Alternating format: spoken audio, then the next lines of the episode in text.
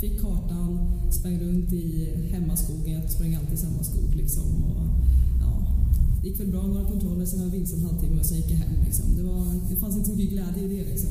Sen så hade jag väl ingen riktig anledning att bli bättre, kände jag. Eh, och då, då var det svårt och då sprang jag hellre bara runt liksom, och lekte. Eller jag vet inte.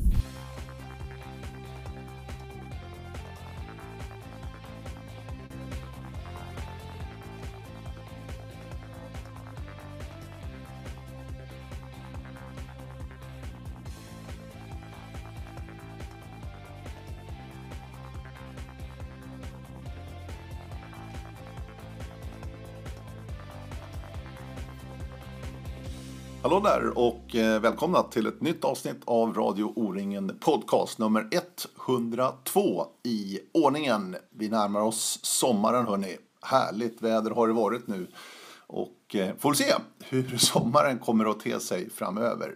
I det här avsnittet ska vi träffa en av de nya löparna i det nya svenska landslaget som ju var uttagna till EM i Schweiz. Det var ju 11 damer och 11 herrar som Håkan Karlsson hade plockat ut dit. En av dem var Emma Bjessmo från Bromma Vällingby och Hässelbytrakten då i Stockholm.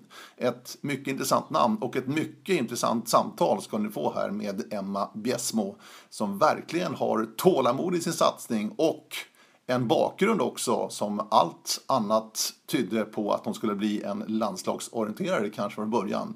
Det är jätteintressant att lyssna till Emma Besmo som har många strängar på sin lyra dessutom. Det kommer ni få höra med om i det här avsnittet. Jag vill också be om ursäkt för ljudkvaliteten. Det rummet vi satt i eh, och spelade in det här avsnittet var tyvärr, akustiken var väldigt, väldigt märklig. Så att eh, ni får ha överseende med ljudet verkligen. Jag hoppas att ni kan höra i alla fall, jag tror det. Eh, jag har försökt att göra så mycket jag kan åt själva lyssningsljudet så att ni ändå ska kunna njuta av samtalet med Emma Bjessmo. Hör gärna av er framöver. Eh, radio oringen.se är ju adressen precis som vanligt. Men vi börjar nu det här samtalet med Emma Bjessmo alltså som ju springer för IFK Lidingö, studerar till läkare. Men den här känslan av att få dra på sig landslagsdressen nu i samband med EM i Schweiz hur var den, Emma? Eh, mycket känslor, framförallt väldigt mycket glädje. Jag tycker det är otroligt kul. Trivs jättebra i den här truppen och bara ja, går runt och njuter så mycket som möjligt. Jag tycker det är otroligt kul. Men vad betyder det liksom för dig liksom att få den här bekräftelsen? För det är en form av bekräftelse då att bli uttagen. Ja, men absolut. Ja, men det, betyder, det betyder mycket. Det betyder liksom att det man har ja, lagt ner energi och tid på har lett någonstans. Liksom. Och jag har ja, känt mig ganska trygg med att det jag har gjort för mig framåt. Men sen att liksom få en sån här bekräftelse och bli uttagen på så här coola saker, det är klart att det betyder jättemycket för motivationen och för att fortsätta. Mm. Absolut, det gör det. De här första åren som senior brukar man alltid prata om att mm. det är mm. tuffa år så att, att ta sig igenom. Mm. Hur, har, hur har de varit för dig de här åren? Så att säga? Nu är det väl tredje året? Ja, precis. Ja, exakt. Eh, nej men jag har faktiskt haft en väldigt bra resa tycker jag. Jag var ganska... Eh, jag drog på mig lite överträning som sista årsjunior precis efter JVM och O-ringen där. Eh, så det var, jag ska inte säga att det var lägligt, men då blev det liksom en naturlig paus i det hela. Eh, så att första året som senior hade jag egentligen inga, inga som helst förväntningar. Jag var väldigt motiverad till att fortsätta träna och såg framför mig att jag ville bli bra som senior för att det är så otroligt kul att åka iväg på sådana här grejer. Men jag kände mig ändå trygg med att nej, men det, det får ta ett litet tag. Liksom. Jag, eh, jag har tiden, jag behöver inte stressa. Så mitt första år som senior var väldigt bara prestationskravlöst. Eh, jag sprang de tävlingarna jag kände för och eh, var inte så hård med resultat. Jag visste liksom inte vad jag skulle förvänta mig heller. Och så där. Så då, och då var det, ja, det var väldigt häftigt för då insåg jag liksom hur kul det var på något sätt. Det var jättekul som junior också men eh, man satte så mycket press på sig själv liksom, i slutet och ville så gärna till JVM och så var det så här, sista chansen och du vet, det blir väldigt lätt att det blir så här, det är nu eller aldrig liksom. Eh, så det tyckte jag var skönt med senior, att bli senior för då kändes det som att men, det är inget nu eller aldrig, det finns liksom inget slut. Så inte förrän jag själv bestämmer att det är slut. Eh, och det gav mig en väldig trygghet i att bara, det får ta den tid det tar. Liksom. Så jag har faktiskt, ja, jag vet inte, jag har haft det väldigt kul som senior faktiskt. Ja. Det är klart att som första år, men eh, min första långdistansen, det var i, eh, undrar om det inte var i Göteborgstrakterna, någon Swedish League och jag bara, jag kröp runt efter varvning. Liksom. Jag var ute i två timmar liksom, och seglat, då hade inte en segeltid blivit längre än så jag var helt förstörd. Liksom. Klarade inte alls, men ändå nej men, kör vidare liksom. Så det var, nej, det har varit kul tycker jag. Roliga utmaningar liksom. Få, och sen när det blir en sån stor omställning också så tycker jag också att det har varit lättare att se framstegen. Liksom. Det är tydligare att nej, men, okej, den här långdistansen var också skitjobbig men den var inte riktigt lika jobbig som förra gången. Så, där, så att det, man får så här små bekräftelser hela tiden. Så jag tycker att eh, ja, men min resa har gått stadigt uppåt så jag har haft ständigt roligt faktiskt. Så, ja, Det är en häftig inställning för att många är ju tvärtom. Att de Ja. liksom, oj, nej, det här går ju inte. nej, nej. Du har haft tålamod på något sätt. Ja, nej jag vet inte. Jag, det är klart att första långdistansen efter den så var man ju lite skärrad men jag kände ändå så här, nej men då kanske inte målet var direkt att nej men jag ska bli bäst i världen på långdistans. Det kanske inte var känslan men då var första känslan kanske nej men jag vill orka ta mig runt sådana här banor och känna att jag har gjort det kontrollerat och orkat hela vägen. Liksom. Så att det, eh, man får ändra sina målsättningar. Liksom. Men jag, nej, jag blev inte rädd. Jag såg det mer som en utmaning. Liksom, att nej, men här har jag något att bita i. Liksom. Men det låter någonstans som att du hade någon plan ändå. Någon, Ja. jag ska säga en flerårsplan, liksom, pratar gamla Ja. Sovjetunionen. Liksom, Ja. att, att, nej, men att du hade någon plan ändå framöver och Ja. tar det liksom steg för steg. Ja. I, det får ta den tid det tar. Ja, ja. ja alltså, jag har alltid liksom drivs väldigt mycket av resan på något sätt. Jag har alltid haft jättekul i landslaget. Eh, så att när jag slutade som junior då var det mer, jag hade väl inget liksom jättestort resultatmål som senior som jag kände, men jag kände liksom, nej men jag, jag ska med i truppen för det är så mycket äventyr, det är så mycket kul att få vara med om och jag tänker inte missa det. Liksom. Ehm, men sen så, för att ha något liksom att drivas, eh, drivas fram emot och som ändå de här, ja, man har ju tuffa perioder under vintern när man bara vill ligga på soffan. Liksom. Så är det skönt att ha någonting. Så jag funderade ju när jag slutade, eller efter JVM där 2015, vad, vad ska jag sikta mot nu liksom? För att jag vet inte vad som är rimligt. Eh, så då tänkte jag, men jag tar något som känns coolt och häftigt långt fram i tiden som jag kan ha som en sån här äh, räddare i nöden när jag inte tycker det är kul. Liksom. Eh, och då var det faktiskt EM i Schweiz som jag bestämde mig för. Ja, Vad häftigt. så det är väldigt häftigt. Just för jag tyckte så här, man hade sett bilderna och du vet, det är så, bara miljön var ju lockande. Eh, Så då tänkte jag att ja, men det, de här bergen, det borde man liksom tänka på när man springer runt i regnslasket och härvar omkring. Liksom. Så att, tänkte jag, nej men EM i Schweiz, det, för EM kändes liksom eh, ändå som ett rimligare mål än VM. Och då kunde jag ha det lite närmare tiden än vad VM skulle kännas. Eh, Och det var, ja, men då var det några år fram i tiden men ändå så att det kändes nära nog att eh, ge motivation men långt bort så att jag inte kunde bedöma om det var rimligt eller inte. Så det var en perfekt, eh, perfekt avvägning där. Mm. Så, Så att det är check. Ja, precis. Så det, ja, men det, så det är jättehäftigt. Det betyder ju jättekul, det är jättekul för att vara här just för att det också har varit en sån sak som ändå har funnits i bakhuvudet i tre års tid. Liksom. Eh, För när jag blev först hos senior, då kom ju EM det året. Men då kändes det liksom, nej men det, det är för nära. Det kan jag inte tro på. Det tror jag inte på. Liksom, det går inte. Eh, Så då tänkte jag, men EM så kommer efter det. Vad är det för något? Alltså, Schweiz, jag bara, det låter coolt. Mm. Det tar vi. Ja. Så, nej, så det var, ja, så det är väldigt häftigt. Vi kommer tillbaka till eh, EM. Vi Mm. tar det från början. Mm. Stockholmstjej Jajamän. från... eh, Från Hässelby. Hässelby. Från Bromma Vällingby från början. Ja. Ja. Varför blev det orientering? Ja eh, från början blev det för att eh, min mamma höll på när hon var yngre. Eh, så hon drog med mig och min syrra ut när vi var sådär 10-12. Men eh, för att vara ärlig så tyckte jag det var riktigt, riktigt tråkigt i början. Du tyckte det? Ja, jag tyckte det var riktigt värdelöst. Men jag, jag, hade liksom inget... Jag förstod inte grejen. Liksom. Jag fick kartan, sprang runt i hemmaskogen. Jag sprang alltid i samma skog. Liksom, och, det gick väl bra några kontroller, sen var jag vilse en halvtimme och sen gick jag hem. Liksom. Det, var, det fanns inte så mycket glädje i det. Liksom. Sen så hade jag väl ingen riktig anledning att bli bättre, kände jag. Eh, Och då då var det svårt. Då, då sprang jag hellre bara runt liksom och lekte. Eller jag vet inte. Um, men hur, kom... hur, hur, hur hittar du in till ja. att tycka om det? Ja, vändningen kom. Jag har ju en, eh, en story. Den jag dragit förut, så jag kan dra den igen. Ja, ja. det är tio mila. Nu ska se, Rosersberg, kan det stämma? 2008. Exakt.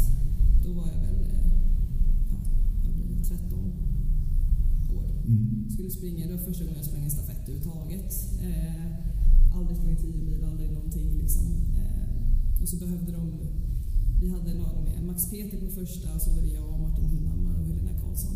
Ungdomsgaven alltså? Ja, ungdomsgaven, ja, ja, absolut. Mm. Ja, Max Peter är också från Bromma väldigt Ja, precis. Ja. Eh, jag hade aldrig träffat Max, hade ingen aning vem han var liksom. Och eh, noll koll.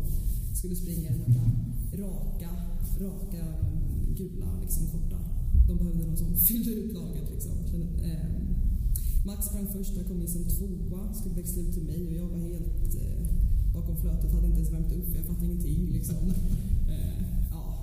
Och det gick riktigt, riktigt, riktigt dåligt.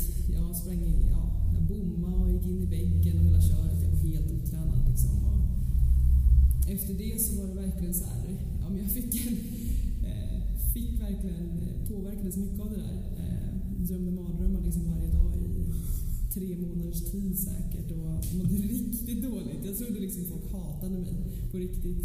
Ehm, så det var där vändningen kom faktiskt. För att eh, då så tänkte jag så här, ja men jag vågar inte visa mig för folk. Liksom. Det var det jag kände. Så då hade jag liksom två val. Antingen så visar jag mig inte för folk.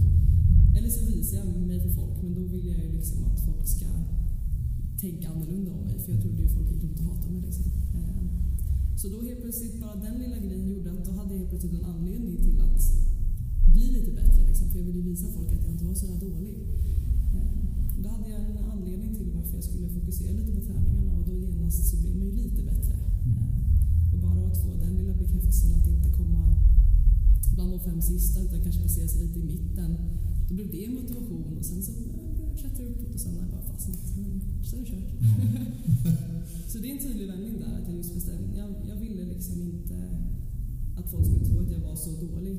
Eh, och då behövde jag ju bli lite bättre liksom, för jag var egentligen så dålig. Så, ja. Det är ju superintressant för att ja. annars en vändning kanske är en, en framgång. Ja. Men här var det ju en motgång verkligen som var ja, en vändning för dig. Nej, men det var ett riktigt eh, trauma faktiskt. Det, ja. Ja. det satte sig hårt. Jag kan till och med fortfarande ibland liksom drömma mardrömmar där jag tydligt kan koppla det till den. Så det var riktigt... Ja. Sprang du 10 mil året efter det, 2009? Oj.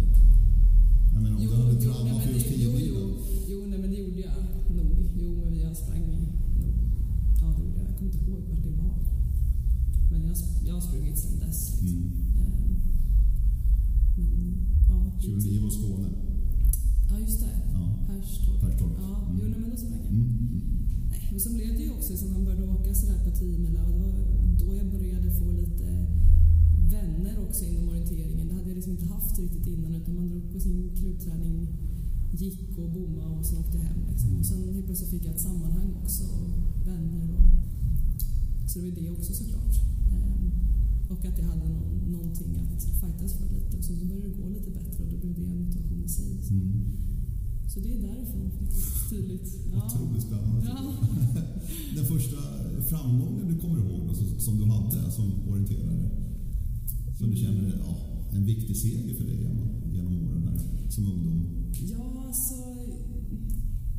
Det skulle jag nog säga att jag vann, om jag inte minns fel, så vann jag DM i D14 på långdistans.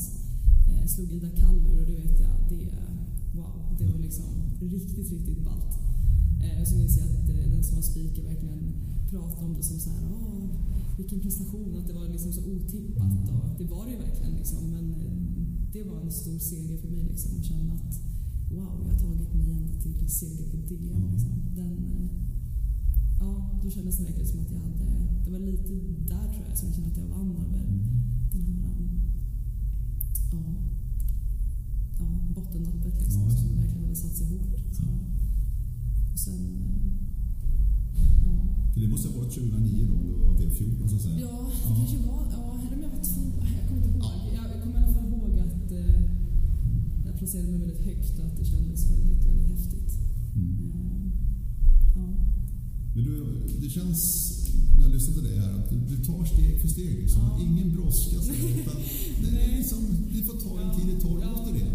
Jo, nej, men jag, jag, jag känner det ändå. Liksom, eh, sen när man väl är i tävlingssituation då är det liksom eh, då är det klart att man alltid, alltid vill mycket mer och gärna vill liksom skita i hela utvecklingsfasen och bara vara bäst direkt. Liksom, eh, men jag är ganska bra ändå på att sätta det hela lite i perspektiv. Jag tror att det är det som har gjort att jag ändå känner liksom att, att jag tar mot rätt håll hela tiden och att det, det driver mig framåt. Att kunna liksom se det lite utifrån och inte alltid bara liksom i det här tunnelseendet. Men det måste man ju ha också. Liksom. Mm. Det, det är det som utvecklar också. Men för att orka ha de här motgångarna och att det inte alltid går som man vill och så vidare så tror jag att det, det har gett mig mycket att kunna efter loppen, eller liksom ett tag efter loppen, liksom, när man har smältat lite, kunna se mer från, från håll. Liksom. När, när, när började sporten orientering bli, bli, bli en viktig del av ditt liv så att säga? För att det känns inte som att det är en viktig del där när du är 13-14 år. Men Nej, nej men... eh,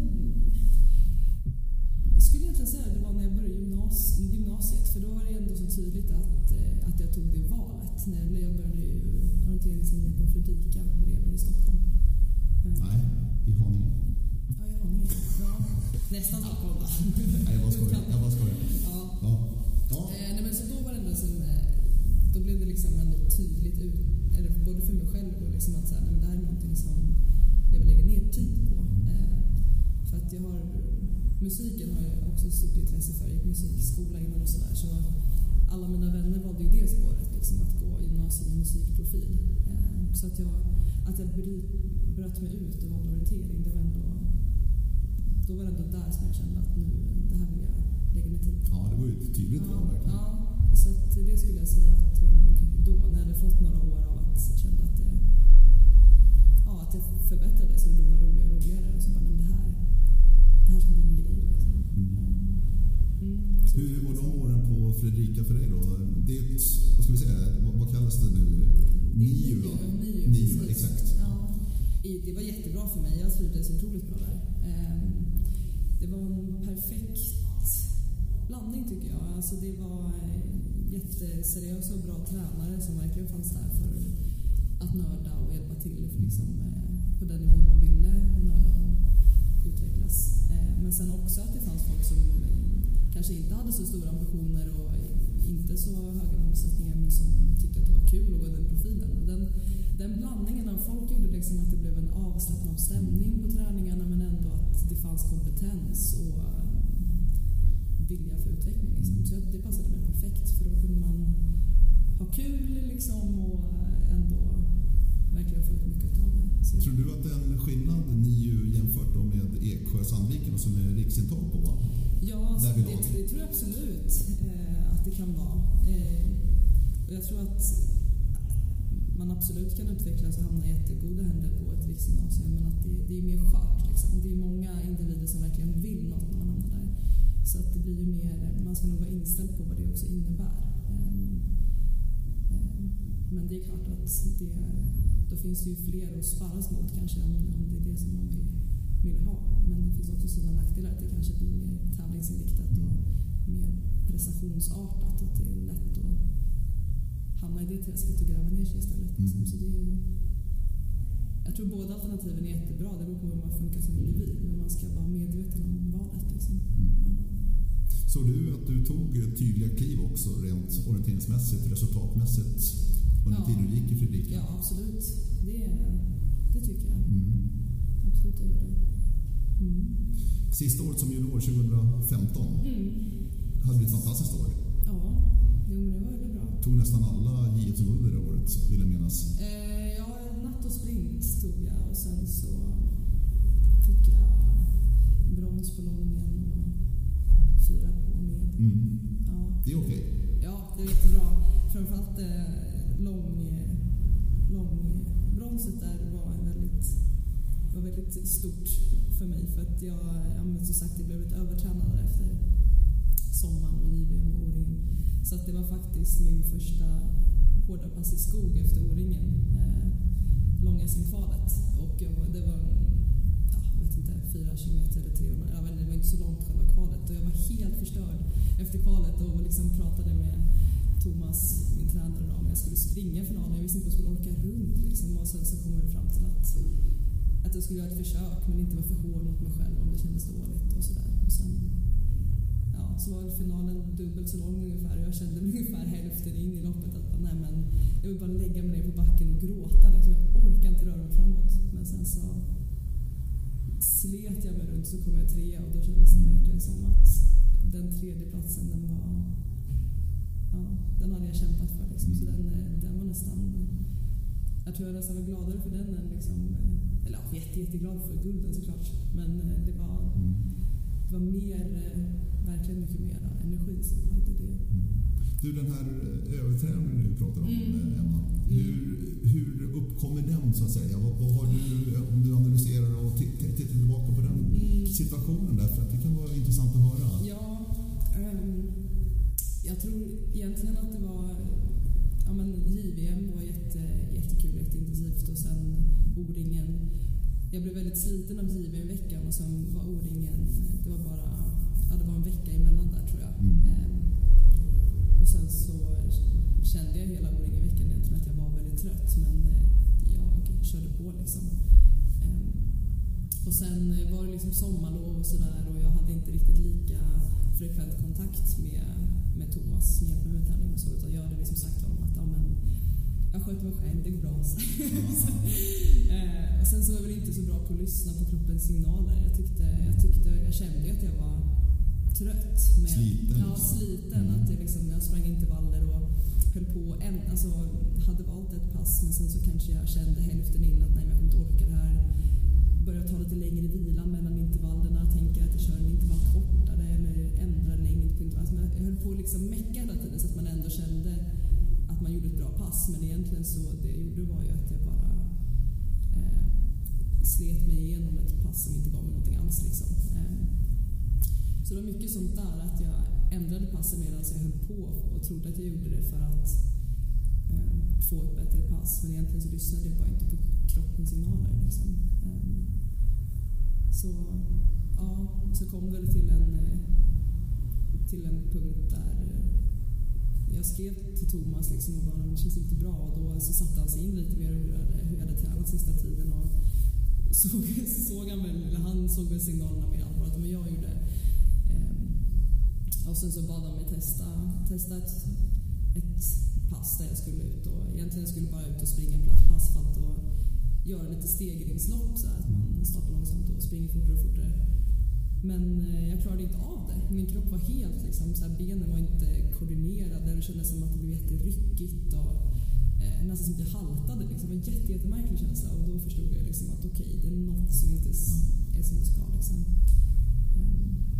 så sen dess har jag faktiskt haft eh, någon sommar senare så fick jag lite samma känsla igen, att kroppen liksom inte svarade. Men då bestämde jag mig för liksom att amen, eh, nu så kör jag några dagar och sen så bestämde jag mig för ett intervallpass som jag brukar köra eller klara av.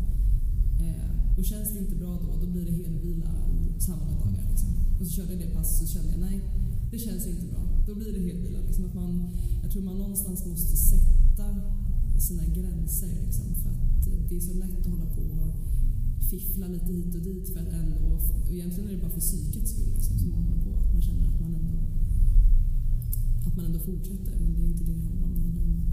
Tror du det här är vanligt? Liksom att man ligger precis på den här gränsen men jag, kanske? jag tror att det är ganska vanligt, liksom framförallt med den sporten vi håller på med, för att man, eh, man springer i olika terrängtyper och det, liksom, det känns olika beroende på vad det är för underlag och hit och dit. Så det kan vara svårare att känna av. Liksom, är, jag, är, är jag sliten för att kroppen inte orkar eller är, är det lite tyngre underlag här? Eller liksom det, det, ja, eller jag tänker mig i alla fall att det är kanske lättare att förstå de känslorna om man är ja, men friidrottare eller banlöpare. Att det är tydligare liksom att ja, men jag brukar ligga på eh, så här många sekunder när jag kör 100 meters lopp och så ligger man högre eller så vidare. Vi har liksom mer diffusa mått så att det är ja, och särskilt om det sker, liksom, ofta sker det ju en gradvis eh, överträdning, liksom att man blir tröttare och tröttare, att det kan vara svårt att jämföra då med hur startläget var, för man kanske inte minns hur det kändes från början för att det har pågått under en längre tid. Mm. Liksom. Jag tycker fortfarande det är knepigt, men jag tycker att jag blivit bättre på att ändå hellre då avbryta lite för tidigt och slänga in en extra vilodag. Liksom. Du säger att du har en tränare hemma. Mm. Thomas, Furuheim. exakt, Mm. ledare i IK Lidingö, det är din klubb också. Vad innebär det? Hur, hur ser ert samarbete ut så att säga? Ja, eh, Lägger ni upp träning tillsammans, ja, diskuterar mycket? Precis, ja, men vi, eh, nu han ju pappaledig men annars så ses vi ju liksom flera gånger i veckan. Han är med mycket liksom, Mm. ute på träningar och sådär. Och, eh, men eh, grundläggande så ses vi väl liksom, eh, har möten några, några gånger per år. Eller, eh, och lägger liksom basen. Hur ska vi lägga upp grundträningen och liksom vad, vart vill jag vara i som bäst form och så vidare. Mm. Så lägger jag upp en plan utifrån det, liksom en grundläggande plan som vi båda har väldigt bra koll på. Eh, sen så handlar det väl mer om eh, veckovis så fyller jag i en träningsbok som han också har åtkomst till. Så att eh, där har vi liksom kontakt, han kan se direkt hur det känns för mig och jag skriver alltid hur kroppen känns och så vidare. Så att det blir en... Det stämmer av liksom. Mm. Mm. Ehm, precis. Och då kan han, det är lite olika, ibland så fyller han i ett ganska noggrant, liksom som in- inför sådana här tillfällen så kan han fylla i väldigt noggrant exakt vad jag ska köra för pass. Och så är det, eh, gör jag bara det. Eh, och ibland är det tvärtom att jag, jag skriver helt enkelt vad jag gör för att jag har ju själv koll på liksom, hur planen är. Men, och att han bara går in och småcheckar ska. Liksom. Jag tycker att ja, men det, är ett väldigt, det är ett bra samarbete. Jag känner att jag har jag har koll på varför jag gör saker men det ger ändå en väldigt trygghet att veta att någon annan också är med på det. Eh, det tycker jag nästan är det som har gett mest med att ha en eh, tränare som hjälper till att man vet ju, men framförallt det här med vila. Det är så lätt att träna liksom. Dra Svårt att vila. Ja, precis. Man vet liksom att nu borde jag vila. Eh, och att ha någon då som säger ja, nu, nu borde du vila. Då är det så mycket lättare att acceptera det liksom, även om man själv vet om det. Mm. Ehm, Så det tycker jag nästan... Det är nog den biten som har egentligen gett mest. Liksom. Men sen självklart att eh, också få lite hjälp inför sådana här veckor hur man ska lägga upp det kanske. Och, Mm. ja. Och nu, för det är ju det svåra, liksom, hitta den här Mm. formen Mm. när man ska vara fysiskt Ja. som bäst. Liksom. Jo, Den är inte så lätt, man måste ju skruva liksom, på allting. Va? Ja. Vet du ungefär ja, så det... hantera sånt där och hitta en formtopp? utvärderar ju det liksom varje år. Mm. Liksom när, eh, hur, hur var det nu då när jag ville vara i form? Ja, exakt. Eh, och lite sådär, så det är ju en, man lär sig hela tiden. Hittills så, eh, ja, men eh, två senaste åren så har jag väl haft min formtopp kanske två, tre dagar efter att jag skulle ha haft det. Men att jag har varit i bra form då också. Men att man känner liksom, wow, nu kom piken. Liksom, jag kom hem och skulle ha ett återhämtningsjobb och då bara, fuff. Liksom. Eh, så att man lär sig ju. Men det, eh, ja, jag har hyfsat bra koll i alla fall. Så att det inte blir, det inte blir fiasko i alla fall. Men, men det finns absolut mer att ta reda på. Mm. Så är det.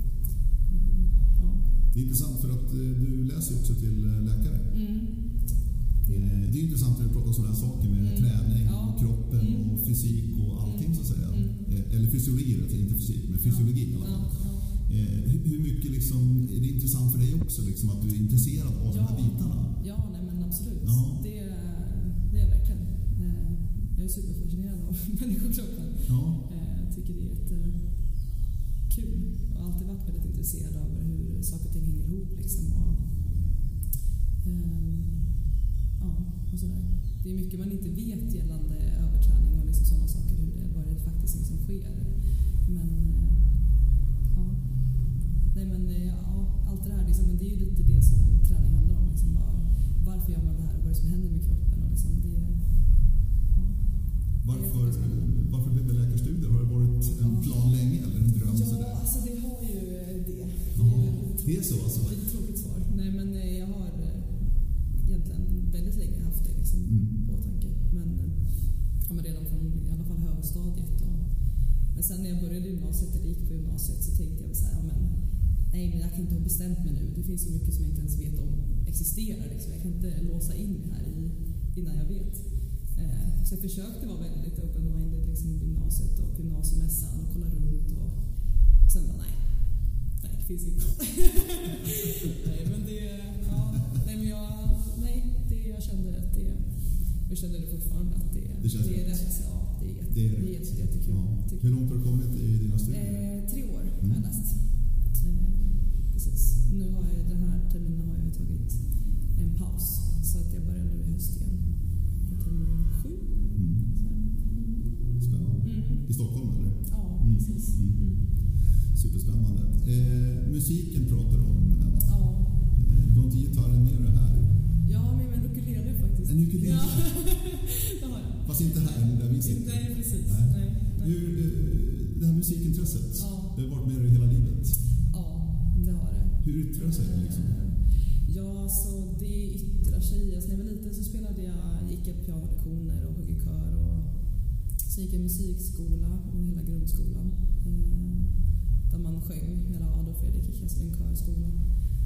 Sen så började jag tröttna på piano så då lärde jag mig gitarr istället. Och, eh, ja, sen när jag började på orienteringsgymnasiet då försvann ju lite musikbiten. Eh, men då så började jag sjunga i en kör igen för att jag fick abstinens. Men eh, nu så sjunger jag inte någon kör längre för att eh, det går helt enkelt inte ihop liksom med... Eh, ja, vi hade repetitioner på söndagar så är jag alltid borta. Men musiken är en viktig del i mitt liv. Jag spelar och sjunger mycket när jag är hemma och har tid. Och, ja, det är, en, ja, det är en viktig del för mig för att få ihop liksom hela... Är det av- avkopplar, alltså man kopplar Ja, bort nej, men, annat? ja, Både studierna då som är tuffa Ja. och orienteringssatsningen.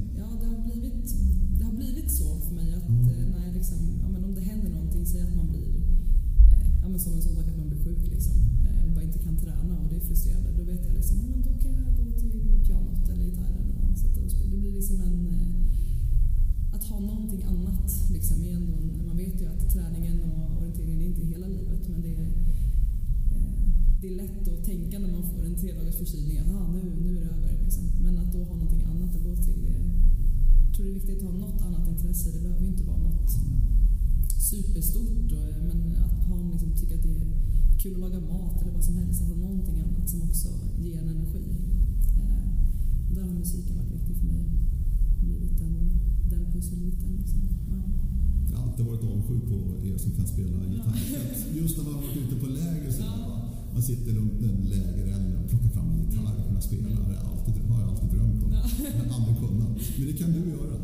ja, jo. Jo, det är väl häftigt. Ja, ja mysigt. Hur använder du ukulelen här under EM i Schweiz? Ja, jag och Sara skrev en låt till vårt springstafettlag som vi sjöng i en församling kvällen innan. Så det var, nej men det, jag kan faktiskt inte spela ukulele så bra. Eller jag har inte lärt mig liksom ackorden och så utan till. Det är ju annorlunda jämfört med gitarr. Men jag tänkte ta med det nu så kanske jag kan lära mig på plats.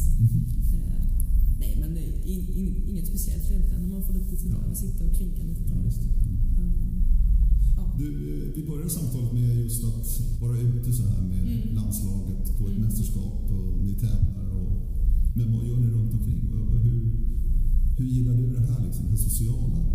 Ja, jag gillar det jättemycket. Du gör det? Ja, det gör jag. Jag tycker att Du är inte sån som går och lägger på sängen liksom, utan du vill gärna vara med. Nej, jag är nog mer en sån som får tvinga mig att lägga mig på sängen för att jag vet att det kanske är det jag behöver göra. Så. Men, eh, men man kan, jag tycker att vi är ganska bra på att ändå hitta på saker som inte är alltför ansträngande. Liksom. Men, eh, ja, men bara sitta ihop och dricka kaffe och Mm. snacka. Liksom, eller, eh, spela spel eller... Ja. Inga speciella saker så, men det är, ja, det är härlig gemenskap och härliga samtalsämnen. Det flödar på liksom. Det är, och du njuter. Härligt gäng. Ja, jag var njuter. Ja. Underbart. ja. Du, hur har det varit då att tävla nu liksom, i den svenska landslaget som senior på ett mästerskap, stort Ja. mästerskap verkligen. Hur, hur, vilka er- erfarenheter har du fått så här långt? Oj. Ja. Ja, Vi vill inte prata resultatmässigt, det är inte det jag är ute efter, utan Ja, mer känslan bara liksom. Nej, alltså, det har varit otroligt mycket känslor. Ja. Jag har inte vetat om att man kan uppleva så mycket känslor på, inom loppet av så kort tid. Så. Men vad menar du då? Eh, nej men jag har, jag har egentligen haft en väldigt bra känsla hela tiden. Jag har känt liksom att jag har kunnat eh, njuta och haft otroligt kul. Liksom. Och jag, jag var väldigt mån om det innan jag kom hit. Att liksom jag, jag får inte passera den här veckan utan att eh, få med mig glädje härifrån. Det kändes som att det var det viktigaste. Eh, att ha med sig hem liksom, eh, energi och glädje. Och, eh, jag har liksom verkligen kunnat njuta så, också under, eh, under tävlingarna, liksom på uppvärmningen och ja, men så här, sprintkvalet. Man sprang upp på den här uh, muren Mm. eh, och strålande sol och helt tyst. Och Jag pratade med Sara om det, att hon hade upplevt exakt samma sak. När man sprang där liksom, visste att om jag ska starta om fem minuter så bara tittar man ut över stan och så var det enda man kände nej men vad som än händer, det, det kan inte bli fel liksom. Det går inte. Det är helt omöjligt. Jag har redan fått eh, boost, eh, boosten. Så. Nej, det var riktigt magiskt, verkligen häftigt. Så jag är glad att jag kunnat eh, njuta så mycket av situationen. Liksom. Jag trodde att jag skulle vara mer jag självklart var jättenervös och liksom, eh, verkligen så, men eh, ändå kunnat stå där och bara känna wow liksom in i det sista. Så det, det var coolt. Sen har det varit en emotionell berg och med vad som har hänt under loppen och eh, svårt att veta hur man ska reagera på det som händer. Liksom. Men det har verkligen varit starka känslor både upp och ner. Liksom, både positiva grejer och hur mycket gråt som helst också. Men stått och gråt, att stå och gråta ihop i en eh, hög med tjejer liksom, och behålla varandra. Det är på något sätt väldigt fint men eh, ja, så det var ja, väldigt mycket. Varför grät ni?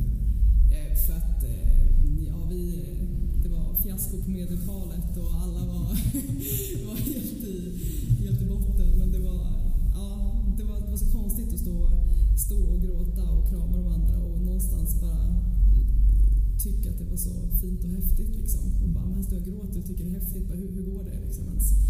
Eh, nej, det är riktigt coolt. Jag känner liksom ändå eh, att jag vet, det är lite liksom för nära på nu för att jag ska kunna känna den här supermega-distansen och eh, jag hade gärna liksom velat göra ännu bättre ifrån mig på det som har skett. Men jag vet, jag känner mig ändå trygg med att eh, jag kommer få med mig väldigt mycket härifrån. Mm. Liksom, som, kommer ge mig energi framåt. Liksom. Så det känns ändå väldigt skönt att ha, fått den känslan. Liksom. Men hur har känslan varit där på startlinjen då när ett EM då det är någonting ja. annat än hemma en Swedish ja, ja, ja, ja, Det är stort också. Men den känslan där, är den annorlunda för dig? Känner du det? Ja, eh, det gör jag. Och det konstiga är att eh, jag känner mig typ mer eh, avslappnad. Ah, Eller, ja, det är okay. jättemärkligt. Men jag vet inte om det kan vara för att liksom EM har varit ett så stort drömmål för mig att jag nästan inte har eh, trott att det ska ske. Så att, att vara här känns liksom nästan så surrealistiskt att jag inte liksom kan bli så nervös till den grad. Liksom att jag, jag har liksom inte riktigt hunnit förvänta mig så jättemycket om vad jag ska kunna göra här. Så att jag liksom har bara jag har bara känt glädje liksom på startlinjen. Stått där och liksom lett in i det sista och bara vetat häftigt bli.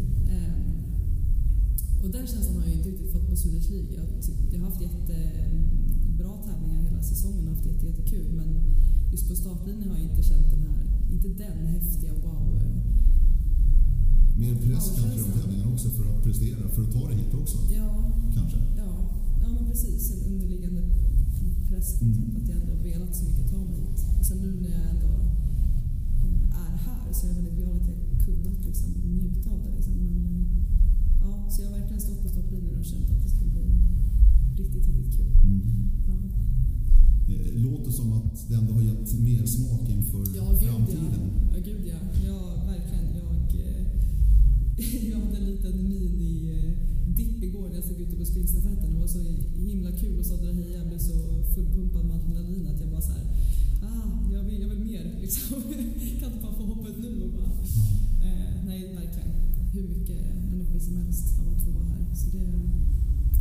Ja, jag är väldigt motiverad och att fortsätta göra jobbet. Liksom. Ja, kul. Ja. Har du satt upp något mål framöver också inte... efter det här EMet nu som du har uppnått? Nej, jag har inte gjort det. Får du göra jag, jag insåg det nu när jag kom hit och bara, vad tusan, nu då? Vad händer sen?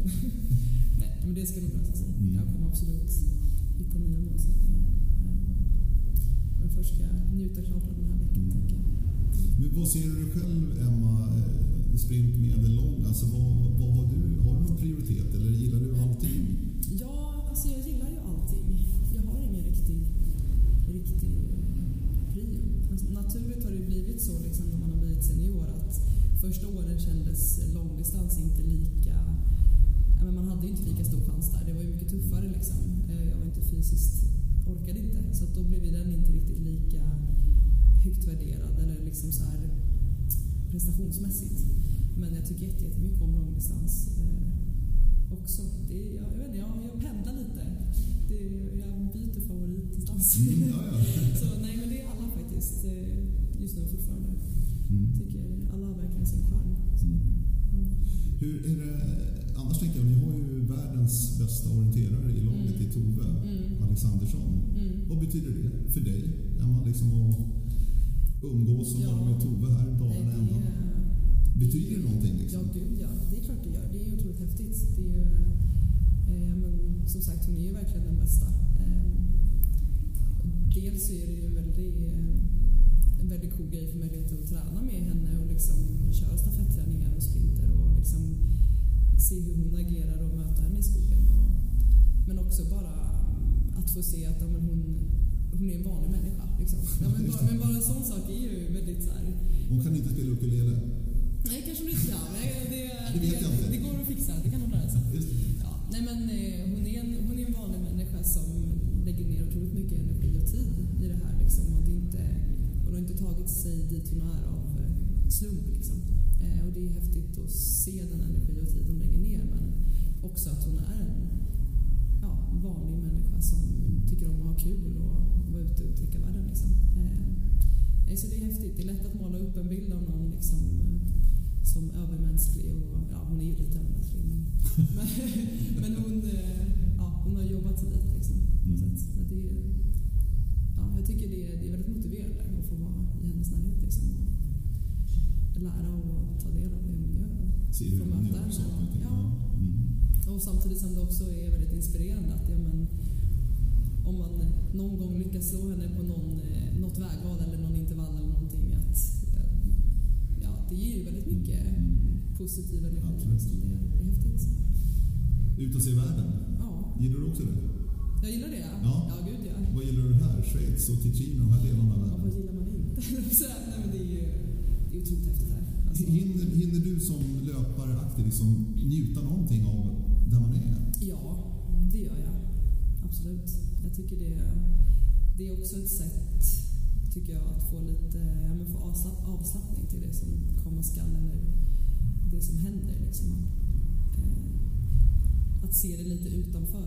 Det är ju en EM-bubbla verkligen och det känns som att det inte finns något liv hemma i Sverige just nu. Liksom. Men att också i den här EM-bubblan kunna se lite utanför den och titta bergen, upptäcka bergen eller åka, cykla ner och köpa en glass och bara kolla över vattnet. Det är, det är klart, ja, man måste njuta liksom. Det är också en...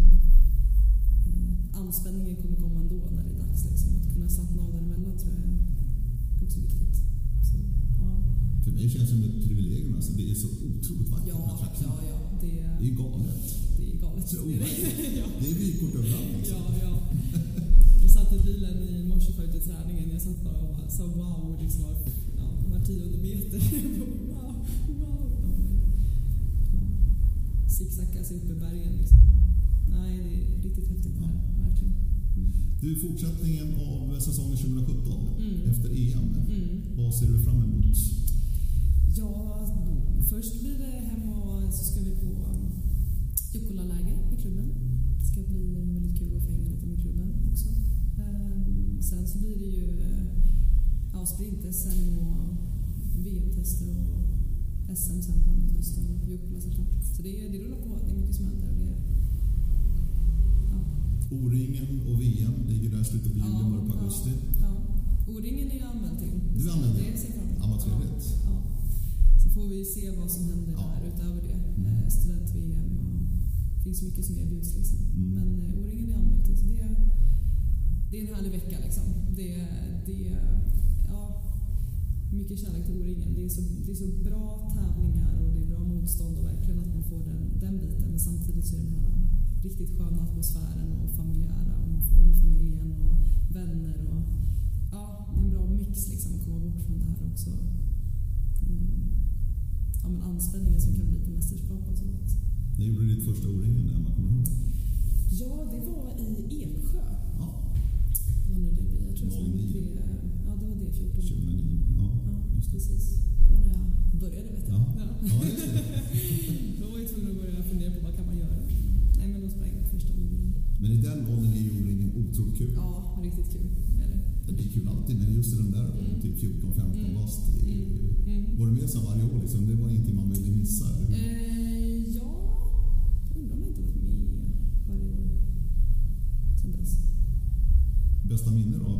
Stor... Har du vunnit totalt O-ringen någon gång? Nej, det har jag inte. Jag kom tvåa i eh, D16. Mm. Sara utklassade ju. Ah, Eh, som alltid. Ja, svårt att blåsa- på. Nej, men då hade jag en eh, spurtstrid om andra platsen med Elin Håkansson som inte håller på längre. Men, nej, då var det riktigt så här... Eh, ja, vi fightades väl lite hela banan egentligen. Vi gick ut ganska nära varandra. Eh, men sen så ramlade jag i diket på väg till sista kontrollen så hon fick en ganska stor lucka. Jag bara, men tusan, så här onödigt. Så började jag ge järnet och försökte täppa den där luckan och kom väl lite närmare men kände liksom att nej men det, ah, det är för långt.